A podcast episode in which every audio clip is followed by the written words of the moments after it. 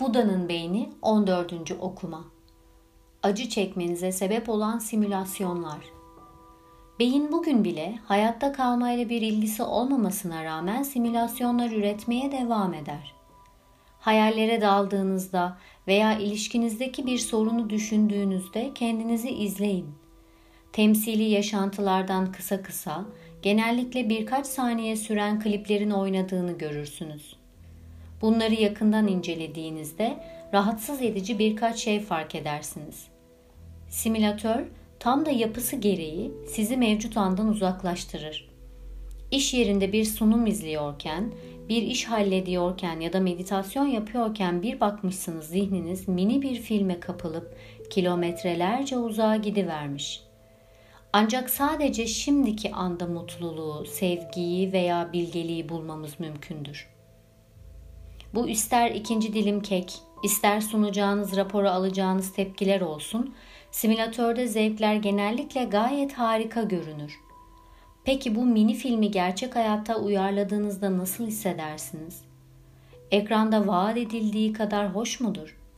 Genellikle değildir. Hatta gündelik yaşamdaki ödüllerin çoğu simülatörde gösterildiği kadar yoğun hazlar içermez. Simülatördeki klipler pek çok yargı içerir. Ben ona X dersem o da tabii ki bana Y diyecek. Kesin beni yarı yolda bırakacaklar. Bunlar bazen açıkça dile getirilseler de çoğunlukla hikaye örgüsüne işlenmiş biçimde örtük kalırlar. Peki, gerçekte simülasyonlarınızdaki açık ve örtülü yargılar doğru mudur? Zaman zaman öyle olsa da çoğunlukla doğru değildir. Mini filmlerin geçmişe dair basite indirgenmiş görüşlerine ve insanlara ulaşmanın yeni yolları veya büyük hayaller kurma gibi geleceğe dair gerçek olasılıkların erişilmez olması düşüncesine takılı kalırız. Buradaki yargılar sizi normalde sahip olabileceğinizden daha küçük bir yaşama mahkum eden görünmez bir kafesin parmaklıklarıdır. Bu tıpkı geniş bir parka salınmasına rağmen eski kafesinin içine sinen hayvana benzer. Simülatörde geçmişteki can sıkıcı olaylar tekrar tekrar oynatılır. Ki maalesef bu da o olayla yarattığı acı verici hisler arasındaki sinirsel ilişkiyi güçlendirir.